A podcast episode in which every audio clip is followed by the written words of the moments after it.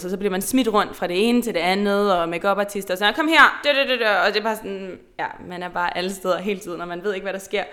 Og jeg endte med at være på det der sæt i 16 timer, og sådan måske være aktiv i sådan en halv time af de 16 timer. Man vidste aldrig rigtigt, om man må gå, om man må spise, om man må gøre noget, fordi hver gang så kom der en eller anden ind, og var sådan, nej, nej, nej, nej, nej, nej, og så var sådan, undskyld, du ved. Sådan.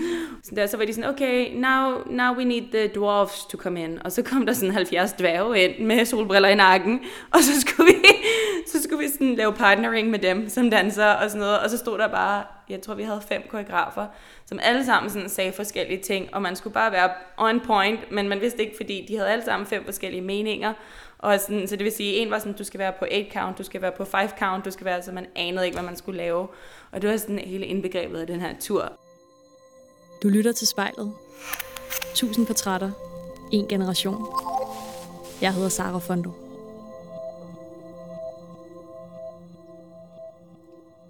Jeg skal ud til Katrine i dag, som jeg faktisk har gået i folkeskole med. Vi har ikke set hinanden i over et årti, men jeg kom til at tænke på hende forleden, fordi jeg kan huske, at hun var den her sindssygt talentfulde danser dengang. Og det kan jeg så konstatere, at hun stadigvæk er den dag i dag. Katrine er professionel danser, men vejen dertil har været og er stadigvæk hård og nådesløs. Så hvorfor er det egentlig, at hun bliver ved med at danse? Det skal vi snakke om i dag, når hun skal i spejlet.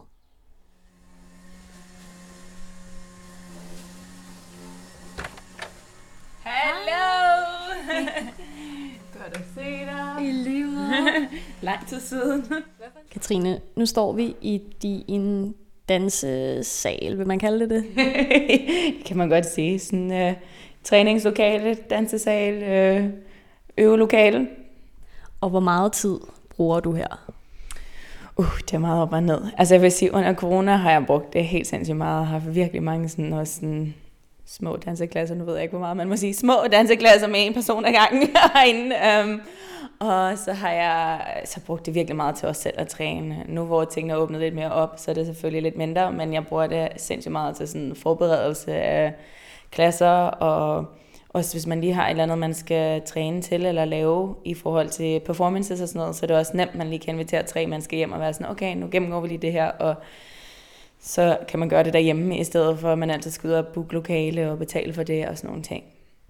Så hvordan vil sådan en helt normal dansedag i dit liv se ud? Mm, sådan, den bedste dag for mig, sådan, der er to slags. Den ene er sådan fully work, hvor man bare underviser hele dagen og sådan nogle ting, men det bedste for mig vil være at sådan, have min egen sådan, morgenteam om morgenen, måske ballet eller jazz eller contemporary, så man lige får kroppen i gang på den måde, og så øh, gå ud og undervise nogle klasser. Jeg kan rigtig godt lide at undervise uddannelser i Danmark, fordi det er sådan nogle elever, man har et år ad gangen, og som sådan er der på fuld tid, så det er altid fedt, fordi folk virkelig brænder for det, og man ved, at de gerne vil noget med det. Øhm, og så efter det, så vil det typisk være så at tage til en rehearsal et sted, hvor vi så træner til et show, vi skal lave om aftenen, for eksempel på Valmands, hvor jeg arbejder. Så hvordan føles det i din krop, når du kommer hjem om aftenen? For det lyder som om, du er altså, vanvittigt fysisk aktiv. jo, altså til tider vil jeg godt sige, at jeg kommer hjem, og så tænker jeg bare, okay, er det her virkelig jobbet for mig?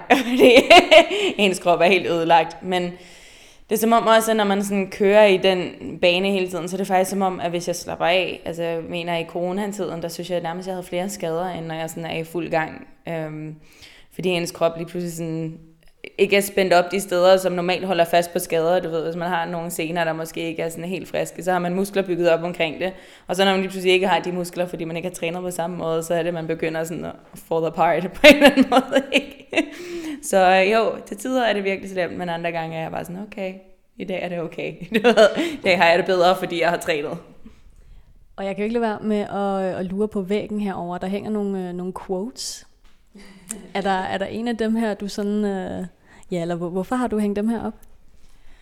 Jamen altså, øh, for det første for the looks, du ved ikke, men, øh, men hvad hedder det, jeg synes, der er mange af tingene, altså der er altid incorporated dance på en eller anden måde i dem. Øhm, jeg havde en gammel balletlærer øh, på Ivanson, øh, som er en skole i Tyskland, jeg gik på, som altid sagde, øh, for eksempel den her dance, uh, as if no one was watching um, som man jo har hørt før, have dans, som om ingen ser på dig hvor hun altid vendte om og sagde, nej, du bliver nødt til at danse, som om hele verden ser på dig, for at tingene ser ordentligt ud. Eller så, det, ikke? så det var meget sjovt, så den, den får jeg mig altid til at tænke på den gang og sådan nogle ting. Fordi det var rigtigt nok, at jo jo, man skal danse og sådan bare let go, men på samme måde bliver man også nødt til, når man arbejder som danser, at tænke på, okay, men der er faktisk folk, der skal se det her også, så jeg bliver nødt til at lave noget, som ser ordentligt ud, eller sådan, hvis det giver mening. og altså, vi har jo det største spejl nogensinde foran os her. Hvor vigtigt er det at have spejle som danser? Altså, det er forskelligt. Uh, på den ene måde er det virkelig vigtigt, fordi at det er vigtigt at kunne korrekte sig selv og sige, åh nej, nu er min arm ikke sådan her. Og særligt nogle gange, så kan en person stå udefra og sige til dig, hey, du strækker ikke benet, og man har slet ikke lagt mærke til det, fordi det er måske ikke noget, man mærker. Det handler meget om body awareness. Så det nogle gange godt at kunne se spejlet og være sådan, okay, de har faktisk ret, så jeg strækker lige benet, eller sådan der, ikke? Men til tider er det også godt sådan der bare at vende væk fra spejlet, og rent faktisk, så som koden sagde også, så videre, sådan, dance altså like nobody is watching, og sådan bare give slip og prøve at mærke, hvordan det så føles, fordi man kan også nogle gange blive rigtig låst til spejlet. Det er en sådan common mistake for rigtig mange, at man så altid imod spejlet, og så er det heller ikke så godt, fordi at det er bedst, at man også bevæger hovedet, når man danser, så det ikke bliver sådan helt stiff. Og nu skal vi øh, dog ikke danse foran spejlet, men vi skal, vi skal sætte os foran spejlet. Så øh, det tænker jeg, at øh, vi skal Lige nu sidder jeg i mit dansestudie, og jeg ser mig selv i spejlet. Så sidder vi på en dejlig yogamåtte foran dit kæmpe store spejl her i dansesalen, Katrine. Og, øh, og det, der skal ske nu, det er jo, at øh, du skal i spejlet. Og spejlet, det handler jo ofte om at, sådan, at se lidt indad. Mm-hmm. Så hvis vi lige skal starte med at få et indtryk af, hvem Katrine er. Kan du prøve at beskrive hende, du, du ser i spejlet? Jamen, øh, det er altid så svært at skulle beskrive sig selv. um, jamen, jeg vil sige en, der er altid sådan der, du ved, fighter meget. Sådan, jeg, jeg er ikke så god til at være sådan, give op på ting. Hvis først jeg starter noget, så vil jeg også gerne gøre det færdigt. Um, og så bare meget sådan glad og udadvendt, og sådan, jeg elsker bare at gøre andre mennesker glade, og det er også derfor, jeg godt kan lide at undervise og performe og sådan nogle ting, fordi det er bare, jeg kan give en masse energi til dem, og de giver en masse energi til mig. Og nu siger du, du er en fighter, og det er jo også det, jeg har indtrykket af, fordi at jeg har en eller anden forestilling om, at den her dansebranche, den er benhård. Hvor hårdhudet er du egentlig? Det er svært at sige. Jeg vil sige, um, efter jeg havde været på uddannelse, jeg var på sådan en fireårig sådan fuldtidsuddannelse, hvor det bare var træning, træning, træning hele tiden, non-stop, og jeg kørte bare fra 8 morgen til 12 aften, fordi jeg så gik ud og underviste andre steder bagefter, og havde job som aften og sådan noget. Og jeg tror på et tidspunkt der, i løbet af den periode, der kunne jeg godt mærke, sådan, at jeg var drænet for sådan energi. Og da jeg sådan sluttede den uddannelse, fordi man bare havde været vant til sådan der at løbe rundt til alting hele tiden, der havde jeg sådan lidt sådan et breakdown, fordi man lige pludselig er sådan her, uh, hvem er jeg, hvad, hvad er jeg, sådan, og hvem er jeg egentlig, hvis jeg ikke danser non-stop, men danser måske 80% af tiden, hvad, hvad bruger jeg resten af min tid på, og sådan, men jeg tror også, den periode lærte mig rigtig meget om, sådan at, men det er ikke fordi, jeg ikke kan lide dansen, det handler bare om, at jeg også skal vide, hvem jeg selv er som person. Så jeg tror, at den periode lærte mig sindssygt meget om sådan også at blive mere hårdhudet for fremtiden, og det er også en ting, jeg altid prøver at snakke med mine elever om og sådan noget, at det er virkelig vigtigt, at de husker livet uden for dansen også nogle gange. For det er også den måde, man bliver mere hårdhudet, og også den måde, man bliver dygtigere på. Så, så var det en, en periode, hvor du altså, tvivlede på dig selv? Var du nogensinde ved sådan reelt at, at give op? Altså, jeg vil sige, at den periode var virkelig sådan et sted, hvor jeg, sådan, jeg blev ved med at træne, men det var også fordi, man havde fået det så meget ind i kroppen, at hvis man ikke trænede, så følte man, at man gjorde noget forkert. Og jeg tror også, det er der, hvor det begynder at blive en usund ting, fordi det ikke er sådan, jeg gør det bare, fordi jeg elsker det hver dag, men nu gør jeg det, fordi jeg ved, at jeg ikke bliver dygtig nok, hvis jeg ikke træner hele tiden. Øh, og det er godt at have det drive nogle gange, men nogle gange er det også det modsatte. Det kan også være meget sådan tærne. Øhm, så på det tidspunkt, jeg tror aldrig, jeg har været sådan 100% ved at stoppe, men jeg har været på et punkt, hvor jeg har været sådan, Nå, men det kan godt være, at jeg bare skal være hobbydanser så, fordi at, hold nu kæft, det er, det er voldsomt det her, det er svært at få jobs, og sådan, også fordi hver gang du går til en audition, så er det forskellige ting, øh, folk leder efter, og derfor så kan man aldrig helt præcis vide, hvad det er, man går til, og hvad det er, de søger, og sådan nogle ting, så det der med, at man hele tiden vejer sig selv vildt meget i forhold til andres mening og holdning, det var sindssygt svært. Men igen, efter den periode har jeg lært mere sådan der, sådan, man kan også sige, det er bare en dårlig undskyldning, men du ved, mere at sige sådan, okay, men de skulle bare ikke bruge det look, de skulle ikke bruge det, i stedet for altid at veje det på ens abilities, for det var det, man gjorde rigtig meget i starten, det ved jeg, andre også gør, det er derfor, jeg siger mand, fordi alle i min branche kan jeg mærke, når de kommer ud af en uddannelse, så har de det sådan, når man vejer sig selv kun på ability, og det kan godt blive hårdt at gøre, at man sådan til sidst tænker, jeg skal ikke mere. Jeg har mange i branchen i hvert fald, der er sådan er halvt stoppet på grund af det. Um, så ja, men jeg kom igennem det heldigvis, så jeg kunne få lov at blive ved.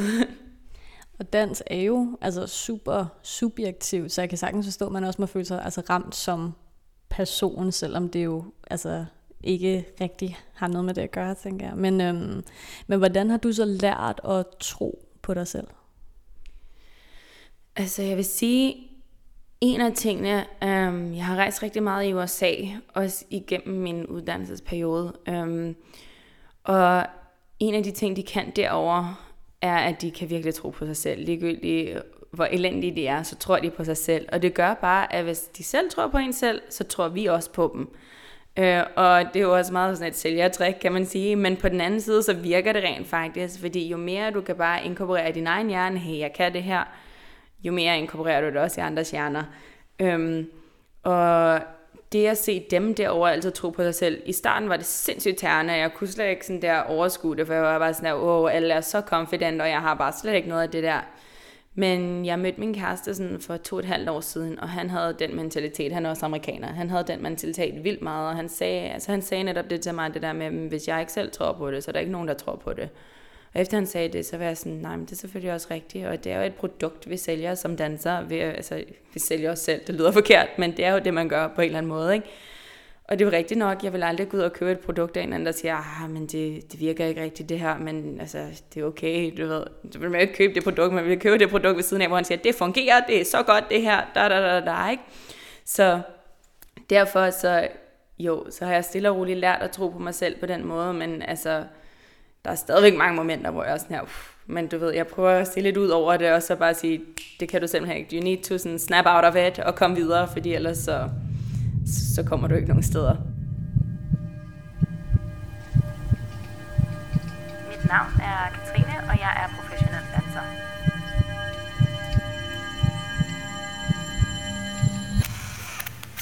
Og du er jo altså kommet ret langt. Du er professionel danser og har haft mega mange vilde jobs rundt om i verden. Men kan du prøve sådan øh, at give mig et indblik i, altså øh, hvor nådesløs den her branche er?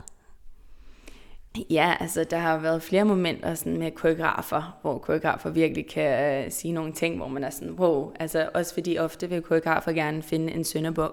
Så selvom de måske ikke helt præcis ved, hvad det er, der er gået galt, så er det tit, de sådan har en sådan, nå, men det er også fordi, du gjorde det forkert. Og så er det bare den hver gang fra det punkt af, at så er det bare den person, der er noget galt med. Og jeg har også været i de scenarier nogle gange, hvor man ender med at blive den der søndebuk, og så når man så er gået hjem og set videoen bagefter, så har man set, okay, men det var egentlig ikke min fejl, eller også var det, det var sådan en generel fejl for hele gruppen, eller altså sådan, hvor man ofte bliver gjort til den der, nej, men okay, så er det bare dig, hvor man er sådan, hvor kom det fra? Men okay, og så bliver man nødt til bare at nikke og sige, nå, okay, men jeg skal nok gøre det bedre næste gang, og sådan, man kan aldrig, altså man skal altid være så ydmyg i den her branche, ikke? Øhm, men jeg har også oplevet, du ved, i forhold til lønninger, det der med, at man også bliver kastet meget rundt i forhold til, at man ikke bliver betalt ordentligt, og sindssyge arbejdsforhold nogle gange. Jeg vil sige, nogle af de mest sindssyge, jeg har været i, har været, da jeg var i Indien på et job, øh, der hed... Øh, eller det var, det var et job for en øh, engelsk øh, agent, som så fik mig til Indien, og så levede jeg så under en indisk agent, som så fik mig rundt på forskellige jobs i Indien. Så man var ligesom sådan på commercial jobs i Indien. Og det var altid sådan noget med, sådan, jeg var lige kommet til Indien, sådan, altså jeg har aldrig været der før, og sådan, man kommer ud, og så møder man en eller anden agent, man ikke rigtig ved, hvem er, man har set ham på Skype en gang, og så er han sådan, om du skal følge med her, og så kommer man ind i en eller anden lidt halvsmadret bil, og man er bare sådan her, yep, det her virker rigtig fedt.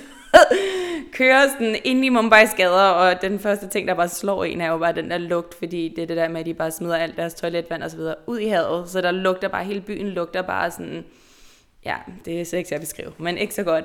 Så først lå den der lugter, og så bagefter, så jeg blev hentet midt om natten, for jeg landede midt om natten, så ser man bare, hvordan gaderne er vildt fattige, og jeg var bare sådan, wow, hvad er det, jeg er kommet til? Øh, og så bliver man sådan sat i en eller anden lejlighed, hvor de er sådan, ja, der er ikke rigtig noget wifi, der virker lige nu, øh, men øh, du kan lige få den her telefon, der burde SIM-kortet virke, ellers så skal vi nok bare komme og hente dig i morgen på et eller andet tidspunkt. Hvor jeg også bare var sådan, ja okay, du ved, øh, okay, men jeg måtte sådan gå i seng, det er også nogle ting, og så næste morgen, så kommer der nogen og banker på og siger, Nå, men nu skal du med på det her job. Sådan, og tingene fungerer stadig ikke, telefonen virker ikke, ingenting. Og så kommer jeg ud i sådan en uh, tuk-tuk, de kører i de der små kanaler der. Og så igen kører vi rundt sådan der i Indiens gade. Jeg aner ikke, hvem det er, jeg sidder med. Og sådan her kører i to timer. Sådan, og man sidder bare og har det så varmt, og der lugter, og man er så, what is going on? For vi så kører ind i sådan øh, hele det her Bollywood-område. Jeg har altid troet, at Bollywood var sådan helt colorful og fantastisk og sådan noget. Men det er jo også bare som alle andre sådan filmsæt, lagerbygning på lagerbygning, hvor det hele var gråt og kedeligt at se på. Øhm, og så kommer vi ind på det her job, og så er det bare det der med igen, der er ikke nogen, der rigtig taler sådan ordentlig engelsk. De taler det lidt, altså det er jo Indien, men det er stadigvæk sådan, der er ikke rigtig nogen høflighedsfraser, og folk er bare, ja, det var virkelig anderledes. Og så bliver man smidt rundt fra det ene til det andet, og make artister og så kom her, dø, dø, dø, dø, og det er bare sådan, ja, man er bare alle steder hele tiden, og man ved ikke, hvad der sker. Og jeg endte med at være på det der sæt i 16 timer, og sådan måske være aktiv sådan en halv time af de 16 timer. Man vidste aldrig rigtigt, om man må gå, om man må spise, om man må gøre noget, fordi hver gang så kom der en eller anden ind, og var sådan, nej, nej, nej, nej, nej, nej, og så var sådan, undskyld, du ved, sådan. og så blev vi altid tilkaldt The White Girls, som også var sådan meget, øh, meget anderledes, ikke? Hvor man har altid været så vant til aldrig at skulle sådan, altså aldrig beskrive folk på color, for vi kender jo, der er alle de her debatter, som vi jo alle kender til. Så det var også sådan meget atypisk lige pludselig at blive tilkaldt de her navne, og så der, så var de sådan, okay, now, now we need the dwarfs to come in. Og så kom der sådan 70 dværge ind med solbriller i nakken, og så skulle vi, så skulle vi sådan lave partnering med dem som danser og sådan noget. Og så stod der bare, jeg tror vi havde fem koreografer, som alle sammen sådan sagde forskellige ting, og man skulle bare være on point, men man vidste ikke, fordi de havde alle sammen fem forskellige meninger. Og sådan, så det vil sige, en var sådan, du skal være på 8 count, du skal være på 5 count, du skal være, så man anede ikke, hvad man skulle lave.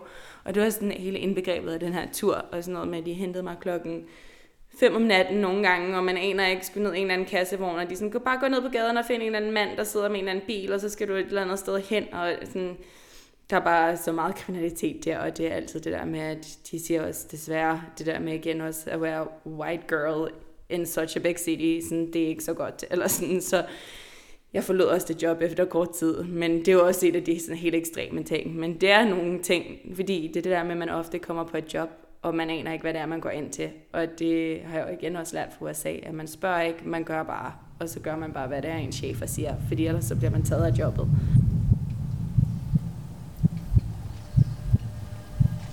Jeg lader mig ikke slå ud, selvom branchen er hård. Jeg hedder Katrine, og jeg er fighter.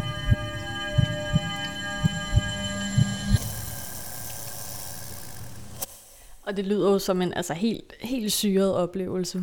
Så hvad er det, der alligevel gør, at du altså, har lyst til at blive ved? Jeg tror også, det er det, at man får de syrede oplevelser. Man har virkelig mange sådan storytellings. Øh, tænker den dag, man selv får øh, hvad hedder det, 10 børn og sådan noget, så kan man fortælle dem alle sammen om de sindssyge tider, man havde, da man var ung.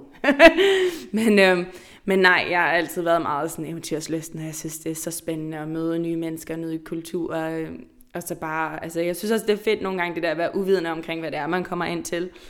Selvom jeg selv er også meget perfektionistisk på den måde, jeg kan også godt lide at være meget forberedt til alt, hvad jeg kommer til. Så det er sådan en lidt, øh, det er også noget, jeg skulle lære, men jeg synes også, det er virkelig spændende, og det er fedt at sådan komme ud af sin comfort zone hele tiden, og så bare det med at dans, det er jeg vil ikke kunne leve uden dans, fordi dans bare er det, jeg brænder for så meget. Så der er oplevelsen i det, og så er der bare det at kunne få lov at bevæge sig hver dag som jeg har lyst til, eller sådan. Det er fantastisk. Og dit job, det afhænger jo netop af ligesom auditions, at du sådan skal præstere der, så du ligesom bliver hyret ind.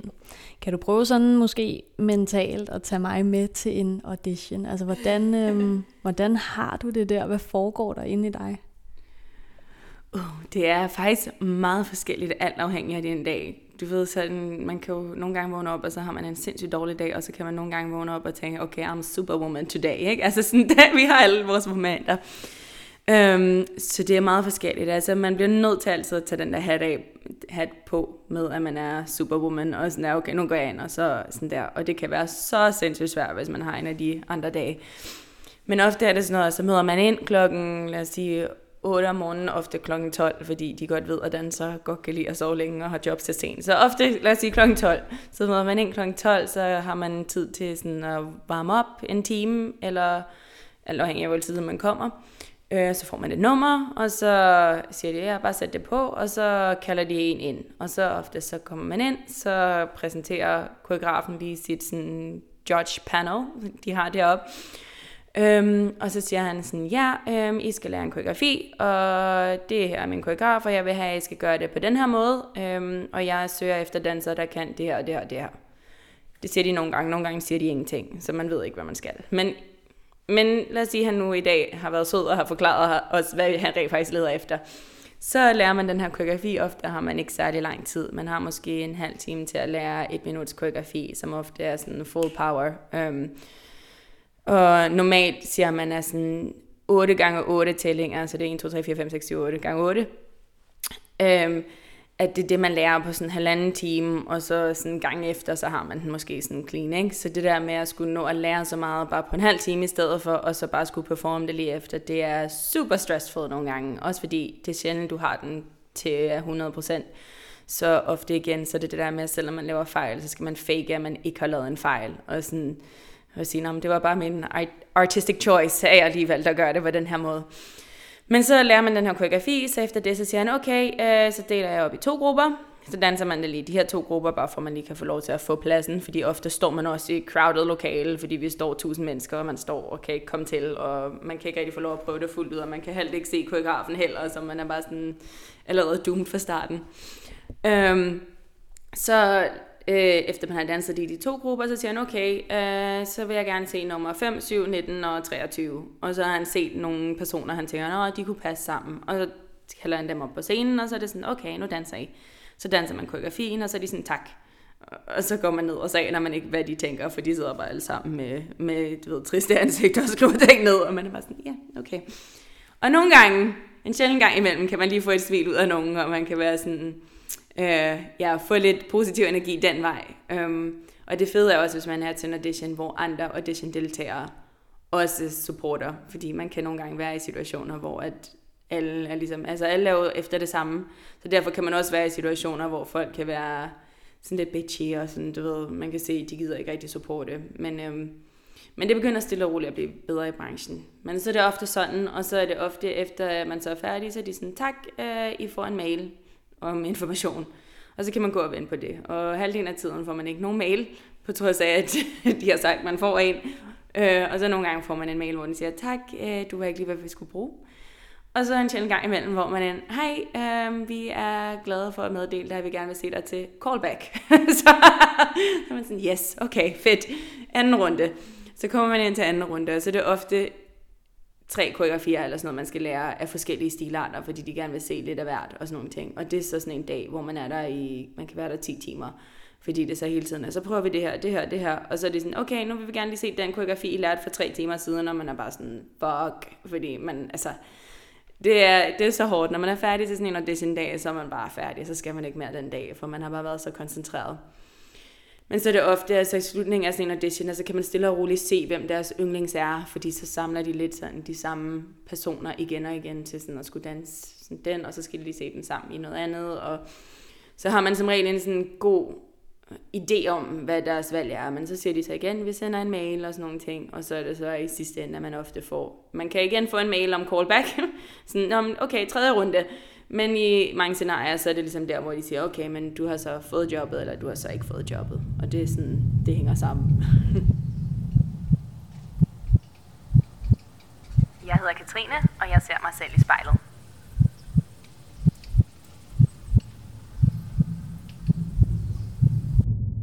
Og hvornår vidste du, at du gerne ligesom ville jagte en dansekarriere?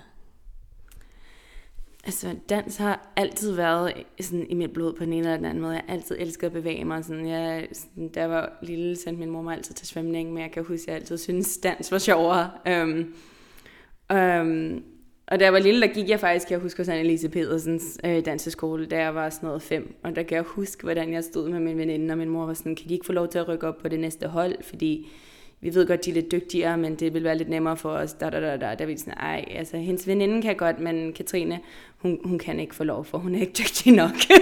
du ved, men det slog mig ikke ud af banen. Jeg tror, det tværtimod bare har givet mig blod på tanden til at sige, okay, skal jeg fandme vise dem. Og så kan jeg huske også, at en af mine mors veninder der engang har sagt sådan, jamen du er også for gammel til at blive danser, da jeg var sådan noget 8 eller sådan noget, ikke? Og der tror jeg også, det har givet mig sådan, okay, nu skal jeg sådan vise, at det kan jeg sagtens, når, det, når du siger det på den måde. og så første gang, jeg sådan så Valmandsshowet faktisk, øhm, som er et dinnershow i København, øhm, tror jeg, jeg var 10 år gammel. Og jeg kan bare huske, hvor fascineret jeg blev af danserne og sangerne, og hvordan hele showet bare var sat sammen. Og det var første gang, jeg forstod, tror jeg, at man rent faktisk kan leve af at danse. Fordi tidligere havde jeg jo bare tænkt, nå, men det er jo bare en sjov ting, og det er fedt, og ja, ja, så kan man få lov at undervise og sådan noget. Men jeg tror aldrig, jeg havde tænkt det som en profession. Og da jeg så så det, så var jeg sådan, wow, det der var det der er der ikke nogen vej tilbage her, det var det, jeg skal. Og så siden der har jeg sådan virkelig tænkt, at altså kæmpet for at skulle det. Hvad er du allermest stolt af at have opnået i din karriere indtil videre? Mm, jeg tror... Altså, der var altid sådan nogle meget dansemæssige ting, man er stolt af i forhold til, Nå, nu har man endelig nailet den split, eller nu har man endelig nailet det her spring, som man bare har trænet på de sidste 20 år. Men sådan, karrieremæssigt tror jeg, at Valmands er en af dem, jeg er sådan mest stolt af, fordi jeg ved, der er så mange, der kæmper om at få det job, og jeg ved, hvor få mennesker de søger. Altså mit år, der søgte de to, og jeg tror, vi var tusind til audition, ikke? Så øhm, det, og så er jeg også, men det er ikke sådan rigtigt, altså jeg er stolt af, at nu har fået mit artistvisa til USA, for at kunne rejse derover og arbejde, men, for det kan man kun få, hvis man har lavet en vis antal jobs og sådan noget, men men på samme måde har min advokat også været over og hjulpet en masse, hvilket vil sige, at jeg har på en måde også bare betalt mig fra at få det, eller sådan, ikke? Så, så jeg tror, at Valmands nok er det, jeg er sådan mest stolt af at have achieved indtil videre. Og du sagde jo, at du som 12-årig så det, og ligesom fik den her idé om, okay, shit, det skal jeg også, det der. Øhm, du har jo nærmest lavet sådan uh, full circle. Hvordan er det, altså sådan på en eller anden måde, at, at vende tilbage til det, der satte gang i det hele? Mm, Ja, det har været, øh, det har været ret vildt, eller sådan, også fordi jeg altid på en eller anden måde har haft min gang derinde, sådan altid set showet hvert år, og jeg kender folk derinde og sådan noget, så det har været ret vildt, også fordi alle var sådan, nå, nu skete det endelig var, og sådan noget, og man, ja, yeah, finally. Øhm, og det er fedt, fordi hver gang jeg kommer derind, der får jeg bare sådan en, jeg føler mig bare hjemme der. Det er ligesom at være i sin egen lejlighed, fordi jeg bare føler mig tryg og har det godt der, og det sjældent, man har det sådan på en arbejdsplads, fordi man ofte sådan kommer ind, og så er man altid den nye, fordi ofte kommer du ind til et, måske et show, der allerede har kørt, eller man kommer ind og skal lave et show på en venue for nogle mennesker, som arbejder på en eller anden arbejdsplads, som har været der altid. Så man er altid lidt den der, der kommer udefra, og det er fedt sådan der rent faktisk at være den, der er en del af hjemmet lige pludselig. Det synes jeg er helt fantastisk. Og du sagde også, at du øh, er blevet godkendt til det her artistvisa i USA. Er det sådan lidt sådan den, øh, den amerikanske dansedrøm, du skal over og, og jage der? ja, det lyder altid så kliché. um, men jo, altså, jeg vil rigtig gerne derover arbejde en periode. Det er ikke fordi, jeg sådan regner med, okay, fra day one, så kommer man til at danse for Beyoncé eller whatever it is. Men, men det er mere, at jeg, jeg vil gerne derover, og at de har rigtig mange altså, stilarter inden for det, jeg rigtig gerne vil. Plus at de har sindssygt dygtige koreografer, dansere, undervisere. Så jeg vil gerne derover for sådan også så bare altså, improve som danser. Øhm, og så samtidig kunne arbejde, fordi det er jo simpelthen umuligt at være derovre. Altså man kan ikke være der længere end tre måneder med et normalt visa.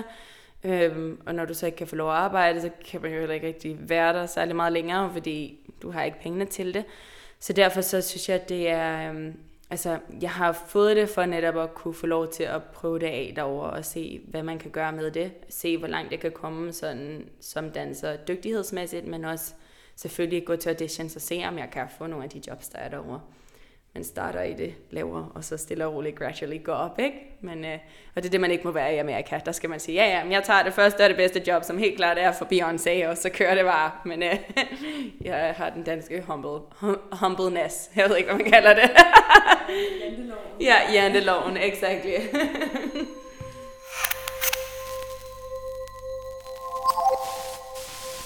jeg kigger mig selv i spejlet. Jeg hedder Katrine.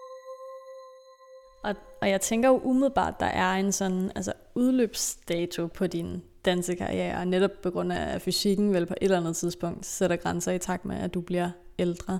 Øh, hvilke tanker har du gjort dig om det?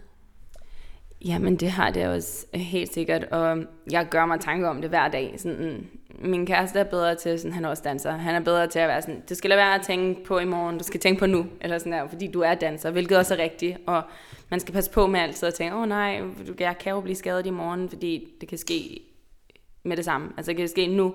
En af mine venner har lige fået en korsbåndsskade, som sådan gør, at nu kan han ikke danse det næste år nærmest, og det skræmmer en hver gang, man hører de historier fra andre.